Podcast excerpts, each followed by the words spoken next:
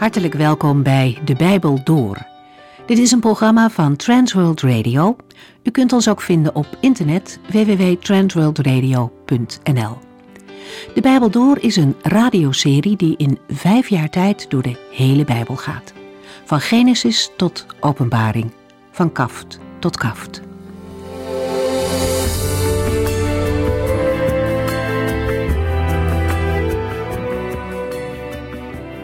Komende tijd gaat het in deze serie over het boek Hooglied. Een prachtig poëtisch werk, maar soms ook wel moeilijk of verwarrend omdat mensen het zo verschillend hebben opgevat.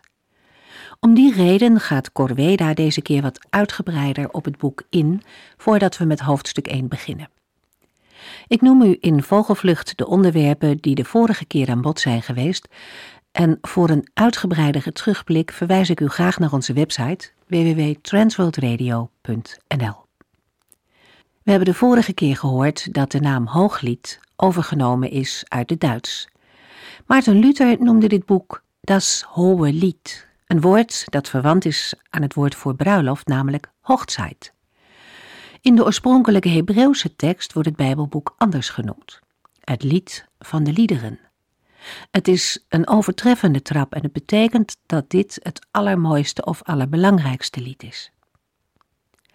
Het Hooglied is de eerste van vijf Joodse feestrollen in de huidige Hebreeuwse Bijbel. Het wordt op de achtste dag van het Joodse Pesachfeest gelezen. Dat is de dag waarop de bevrijding uit Egypte wordt gevierd. En die bevrijding uit Egypte wordt gezien als een liefdeshandeling van de Here voor zijn volk Israël. In de Talmud vinden we een oudere indeling waarbij het Hooglied onder de wijsheidsboeken wordt gerekend. In de inleiding hebben we ook verschillende argumenten naar voren gebracht die erop wijzen dat Salomo de auteur is van het Hooglied en dat het boek over hem gaat. Het boek is in Salomo's tijd geschreven. De hoofdpersonen in Hooglied zijn Salomo als bruidegom en zijn bruid. Tot slot dachten we de vorige keer ook na over de Oosterse context van dit Bijbelboek. Nergens is er in de Oosterse wereld vergelijkbare literatuur gevonden. Wel zijn er raakvlakken met de Oosterse liefdespoëzie.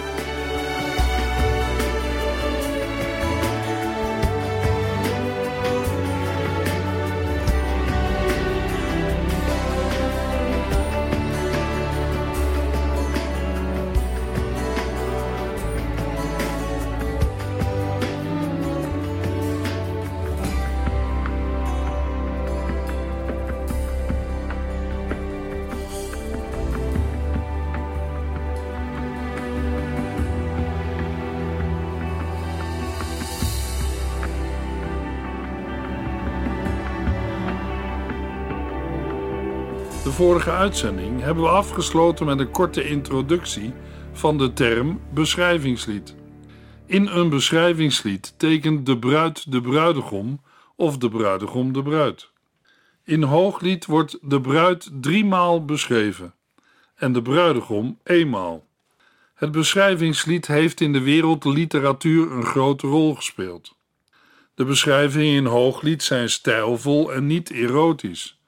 De nadruk ligt op het fraaie lichaam van het hoofd tot de voeten. Als het meisje aan de dochters van Jeruzalem het lichaam van haar liefste beschrijft, gebeurt dit met behulp van het voorbeeld van een beeldhouwwerk. Als de jongen het lichaam van zijn allerliefste beschrijft, gebeurt dat hoofdzakelijk met beelden uit de natuur: dieren, vruchten, bloemen en bergen.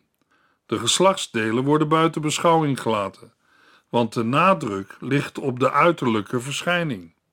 In het Bijbelboek Hooglied hebben we te maken met liefde en intimiteit binnen de kaders van het huwelijk tussen man en vrouw. Bij de uitleg van het Bijbelboek Hooglied is het dan ook van belang om de vraag te stellen: over welk soort liefde wordt er in Hooglied gesproken? Hebben we te maken met een weergave van twee jonge mensen die experimenteren met vrije liefde? Een opvatting die tegenwoordig door een aantal uitleggers nogal eens wordt verdedigd. Zij omschrijven Hooglied als een revolutionair boekje. Het is volgens hen een bundel erotische gedichten die de vrije liefde verkennen en zeggen deze uitleggers, van het besef getuigen dat echte liefde een kracht is, die van een andere orde is en niets te maken heeft met goed en kwaad. De tegenovergestelde opvatting is, zoals we net al aangaven, dat we in Hooglied te maken hebben met liefde en intimiteit binnen de kaders van het huwelijk tussen man en vrouw. Dit standpunt is aannemelijker in het kader van het totaal van de Bijbel. In de wet van God of Torah zijn de grondlijnen voor de seksuele omgang aangegeven en bepaald. Vooral Deuteronomium 22 is hierbij van belang. Als een jonge man voor het huwelijk gemeenschap met een meisje heeft, ook al is het met haar toestemming, onteert hij haar. De jonge man is daarom verplicht haar tot vrouw te nemen tegen betaling van 275 gram zilver of 50 zilverlingen als smartengeld, een heel kapitaal. De vader kan weigeren het meisje aan de jongen te geven, maar de bruidsprijs moet ook dan worden betaald. Het Bijbelboek Spreuken vormt als wijsheidsboek een uitwerking van de wet in het dagelijks leven. Vooral in Spreuken 5 tot en met 7 wordt gewaarschuwd voor de gevaren van overspel. Salomo roept de mannen op vreugde te scheppen in het hebben van gemeenschap met hun eigen vrouw. Ook in Hooglied zelf zijn er argumenten om aan te nemen dat de liefde binnen het huwelijk bedoeld wordt. De uitdrukking bruid staat in Hooglied 4 vers 8 tot en met 12 en Hooglied 5 vers 1. Het is deze term die betrekking heeft op de officiële ondertrouw en het huwelijk. Bij de aanduiding bruid gaat het, in Oosterse teksten, om de aanduiding van een vrouw in de periode vanaf haar trouwdag en de eerste tijd na de bruiloft, totdat zij haar eerste kind kreeg. Het begrip bruid is in de Bijbel dan ook ruimer dan bij ons het geval is. Samenwonen zonder toestemming van de vader en moeder werd niet erkend. Alleen weduwen en gescheiden vrouwen waren niet afhankelijk van een dergelijke toestemming. Ook de vermelding van het huis van de moeder en de oproep aan de meisjes of dochters van Jeruzalem houden in dat er grenzen zijn. Dat blijkt ook uit de onmogelijkheid elkaar zomaar op straat te kussen en uit de beschermende houding van de broers. In de context van het Oude Testament en ook van het Nieuwe Testament is vrije liefde hoogst ongebruikelijk en ongepast. Daarom ligt het voor de hand dat de tekst van Hooglied uitgaat van liefde in de context van het huwelijk. Het Bijbelboek Hooglied is een Bijbelboek met verschillende lagen. Daarbij komt de vraag naar voren: met welk genre of met welke literatuursoort hebben we te maken in het Bijbelboek Hooglied? Het antwoord op deze vraag kan helpen de intentie van het Bijbelboek te begrijpen. Hooglied wordt vaak als een hoogstaand lyrisch liefdesgedicht getypeerd. Het is poëzie in de volle zin van het woord en het beschrijft de liefde en de intimiteit tussen man en vrouw. Het kenmerkende van de poëtische taal is dat de poëtische rijkdom gedeeltelijk afhankelijk kan zijn van de gecomprimeerde zintuigelijke beeldspraak. Hoe meer zintuigen betrokken zijn bij de beelden, des te groter is de invloed van dat wat wordt gezegd en beschreven. De beeldspraak van Hooglied heeft de allerhoogste dichtheid van zintuigelijke beelden, die vooral tot doel hebben sensualiteit op te roepen. De verschillende teksten gaan over zien, ruiken, proeven, horen en betasten. In Hooglied wordt een breed spectrum van taalkundige mogelijkheden benut om een rijkdom aan betekenissen te beschrijven. Het gaat in Hooglied niet om nauwgezette beschrijvingen, maar eerder om een breedte van dichtelijke beeldspraak die emoties oproepen. Zo'n benadering komt in meer Oosterse gedichten voor, maar is uniek in de Bijbel. Literaire poëtische teksten kenmerken zich door dingen die tussen allerlei delen niet wordt gezegd. Daarmee wordt de lezer uitgedaagd zelfstandig de verbindingen tussen de delen aan te brengen. Een voorbeeld hiervan is de relatie tussen Hooglied 3 vers 6 tot en met 11 en Hooglied 4, vers 1 tot en met 7. In Hooglied 3 vinden we een passage waarin de bruidegom in een feeststoet steeds dichterbij komt. En in Hooglied 4 wordt door een man de schoonheid bezongen van een vrouw die een sluier draagt. Waar vinden we nu een verbinding tussen beide delen? Een verbinding kan gevonden worden door de bruidegom uit Hooglied 3 gelijk te stellen aan de man in Hooglied 4. De vrouw of allerliefste is de bruid en de sluier is deel van haar bruidskleding. De bruidegom komt in het huis van de bruid om zijn geliefde op te halen voor de huwelijksplechtigheid en het trouwfeest. Voor de eerste keer ziet hij haar in vol ornaat. Op deze manier worden leemte tussen verschillende delen ingevuld en krijgen daarmee een verantwoorde en logische verbinding. Daarbij is het altijd mogelijk dat er meer interpretaties mogelijk zijn. Dan komt de vraag op: welke is dan de beste? Een dichter zal met zijn werk ook een doel voor ogen hebben. De vaststelling van de intentie van een dichter kan behulpzaam zijn bij de uitleg en de verklaring van zijn werk. In ieder geval moet er bij het vaststellen van een verbinding tussen verschillende delen op minstens drie dingen worden gelet. Het eerste is de vraag of er door de opvulling een zinvolle samenhang ontstaat.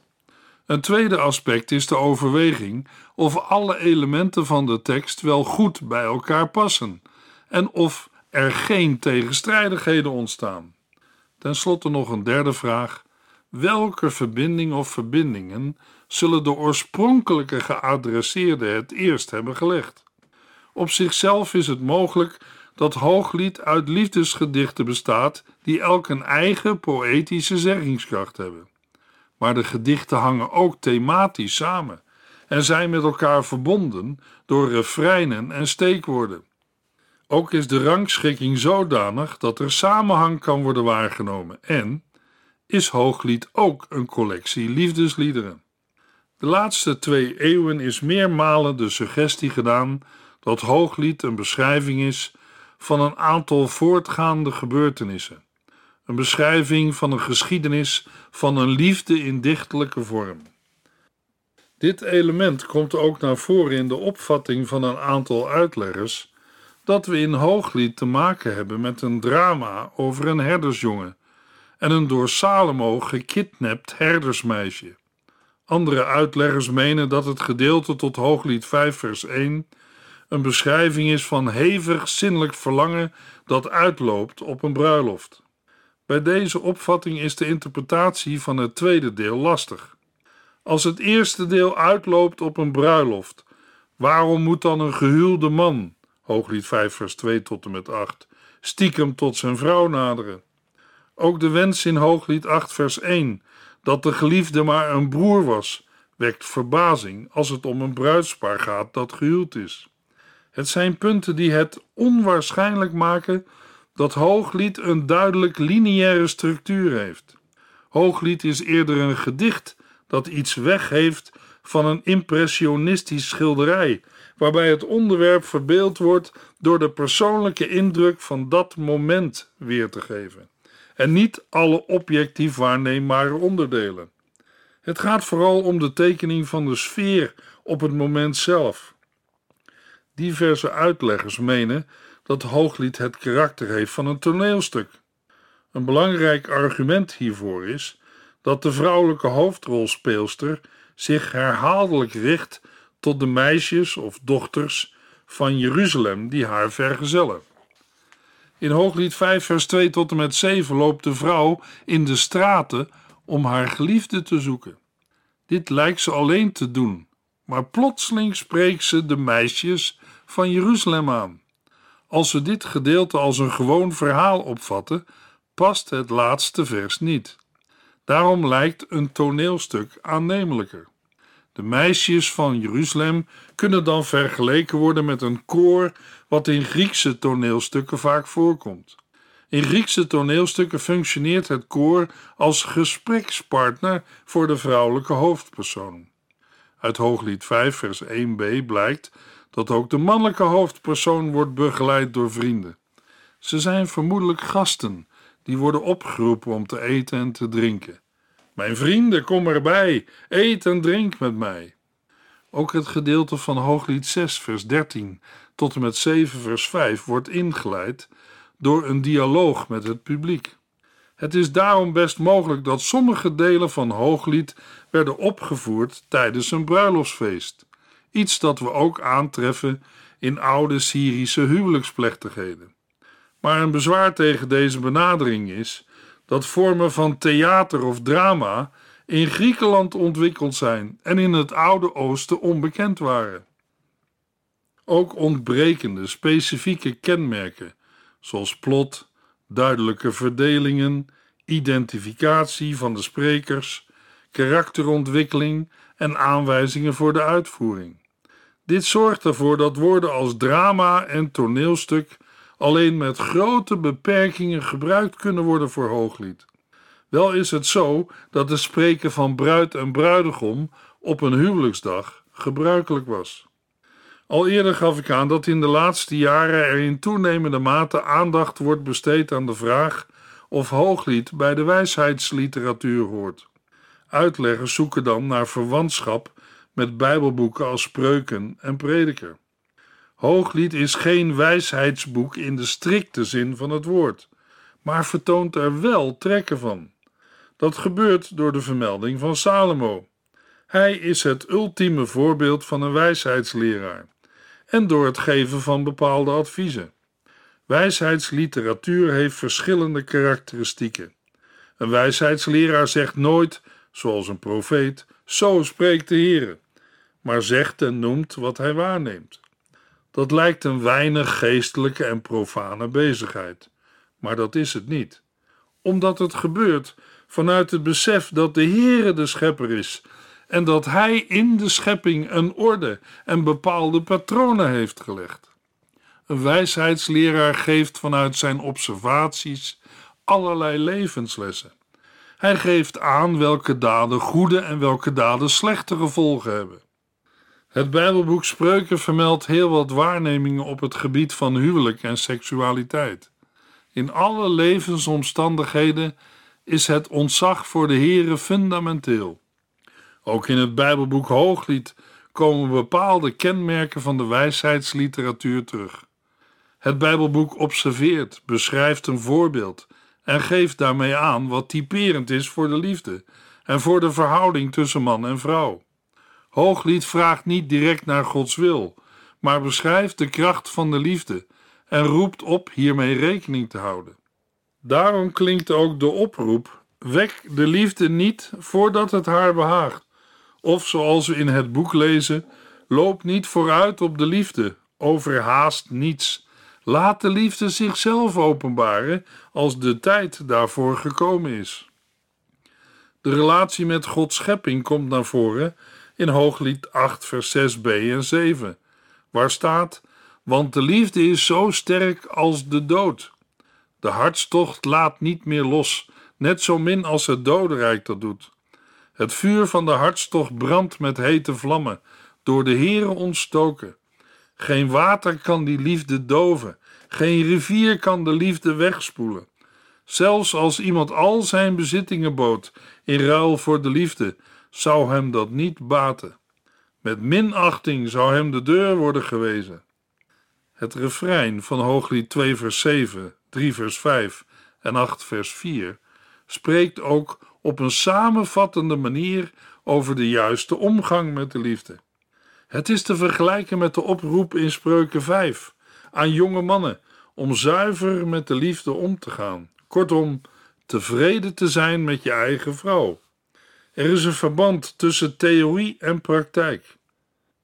Doordenking van het thema van de liefde kan helpen de ontdekte levenswijsheid in de praktijk van elke dag op de juiste wijze vorm te geven. Typerend voor de wijsheidsliteratuur zijn ook de vele vergelijkingen met verschillende aspecten uit het dagelijks leven. In geval van Hooglied aspecten uit een koninklijke omgeving, zoals vruchten, kruiden, edele materialen, exotische plaatsen en symbolen van leven en liefde. We weten ook dat in het Oude Testament poëzie en wijsheid nauw met elkaar verbonden zijn. Bij de bespreking van het Bijbelboek Psalmen hebben we gezien dat er ook speciale wijsheidspsalmen zijn. Een aantal psalmen zet ook aan tot verandering van gedrag of getuigt van Gods grote daden en ingrijpen. We kunnen hier ook het raadselachtige noemen dat we in het Bijbelboek Hooglied tegenkomen. De naam van God wordt niet genoemd, net als in het Bijbelboek Esther, en toch wordt de Heere verondersteld. Ook de al eerder genoemde woorden uit onder andere Hooglied 2 vers 7 laat de liefde zichzelf openbaren als de tijd daarvoor gekomen is, heeft het karakter van een bezwering door de woorden Meisjes van Jeruzalem, let op wat ik jullie met nadruk zeg. De woorden roepen de vraag op, maar wanneer is het dan wel de tijd voor de liefde? De lezers van het Bijbelboek Hooglied worden op allerlei manieren uitgedaagd om door te dringen in de geheimen van het Bijbelboek. Het geeft aan dat echte wijsheid niet zo gemakkelijk te krijgen of te vinden is. Hooglied vertoont ook een relatie met wijsheidsmotieven en vrouwen in het Bijbelboek Spreuken, vooral met de teksten waarin de wijsheid wordt voorgesteld als een persoon. Terwijl Hooglied spreekt over de ideale liefde tussen man en vrouw, gaat Spreuken 8 in op de liefde tot wijsheid, voorgesteld als een persoon. Het is belangrijk de wijsheid te zoeken en lief te hebben.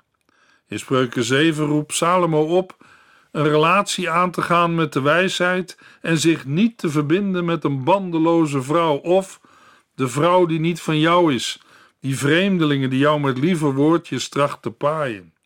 Dit aspect komt ook terug in Hooglied 3, 5, 6 en 8, in de zoektocht van de vrouw naar haar geliefde. Een ander element is dat de wijsheid beter is dan zilver, goud en edelstenen. Wijsheid biedt rijkdom en duurzame welvaart aan mensen die haar volgen. In Hooglied wordt de man in beeldspraak beschreven met termen van kostbare edelstenen en edelmetalen. Net als de wijsheid wordt de liefde hoger gewaardeerd dan rijkdom en bezittingen. De overeenkomst tussen spreuken en hooglied wordt vooral duidelijk in de beschrijving van de kracht van de liefde. Ook is er een relatie tussen de beschrijving van de krachtige vrouw in Spreuken 31 en de als persoon voorgestelde wijsheid. In het laatste deel van Spreuken wordt aangegeven aan welk type vrouw een man zich zou moeten geven. Hooglied is ook een illustratie van de verwondering van Ageur in Spreuken 30, vers 18 en 19. Veel dingen zijn voor mij onbegrijpelijk. De volgende vier kan ik niet bevatten, waarbij de vierde is: wat gebeurt tussen een man en zijn jonge vrouw. Bovendien is er ook een belangrijk verschil in de beschrijving van de liefde in de Bijbelboeken Spreuken en Hooglied. In Spreuken 5 wordt op een wat zakelijke manier over het huwelijk gesproken, namelijk om overspel met een andere vrouw te voorkomen. Hooglied beschrijft veel meer de liefde in de zin van zelfovergave. Dit verschil houdt verband met het eigen karakter van de beide Bijbelboeken. In de wijsheidsliteratuur wordt meestal geen afgeronde waarheid gepresenteerd, maar niet meer dan een deel van de werkelijkheid. We staan nog even stil bij de relatie van Hooglied met het Bijbelboek Prediker. In Hooglied staat de herhaalde oproep de liefde niet aan te wakkeren voordat het haar behaagt. Het is belangrijk de juiste tijd af te wachten. Het komt overeen met de teksten over de juiste tijd in Prediker 3. In Prediker 9, vers 9 wordt liefde aangeduid als een door de Heere gegeven troost, bij alle moeite die u zich op aarde getroost. In Hooglied vindt de bruidegom de unieke bruid, terwijl de zoektocht naar een wijze vrouw, volgens Prediker 7, vers 28, meestal weinig oplevert. Op grond van de getoonde verwantschap met andere wijsheidsboeken valt te verwachten dat Hooglied ook een didactische spits heeft: het aantonen van het belang en de kracht van een zuivere liefdesrelatie. Het bijzondere van het Bijbelboek Hooglied is dat de schrijver daarbij veel van zijn eigen ervaringen en emoties onder woorden brengt. Ter afsluiting van de introductie nog het volgende. Het is mogelijk het Bijbelboek Hooglied op diverse manieren op te vatten en uit te leggen.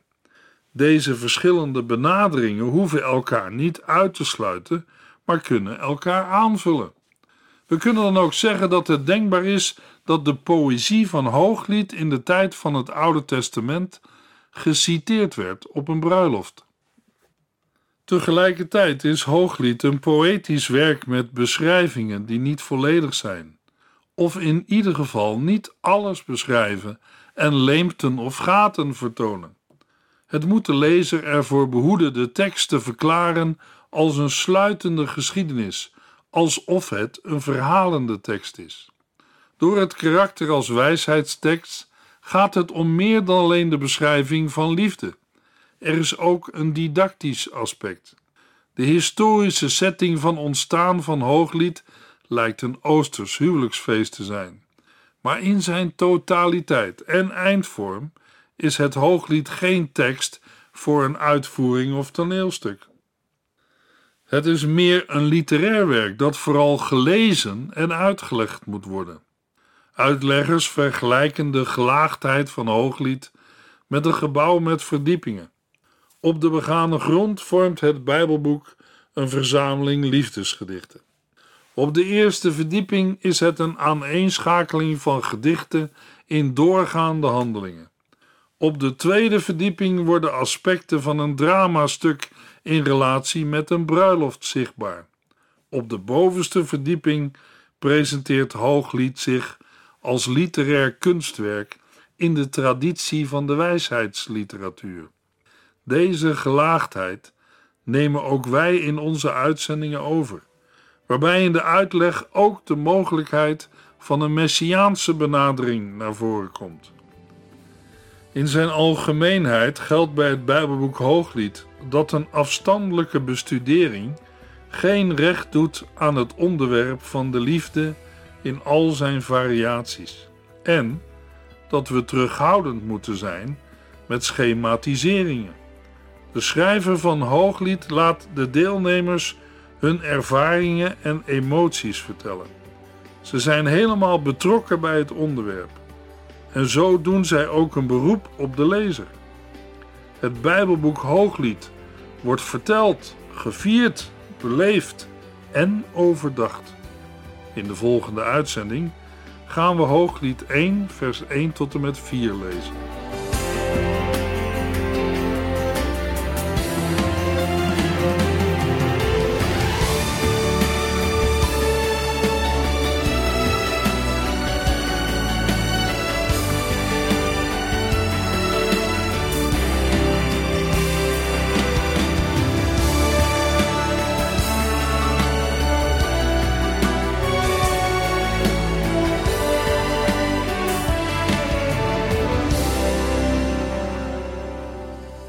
Eindigt deze aflevering van De Bijbel Door. Een serie programma's van Transworld Radio. Wilt u ons iets vragen of meer weten? Dan kunt u altijd contact met ons opnemen. Bellen kan overdag met 0342 478432. Per post Transworld Radio. Postbus 371. Postcode 3770. Anton Johannes in Barneveld. En e-mailen kan ook. De Bijbel door at transworldradio.nl En natuurlijk ook via onze website transworldradio.nl Dit programma werd gepresenteerd door Cor Weda en Ike André. En namens iedereen die er nog meer aan meegewerkt heeft, graag tot de volgende keer.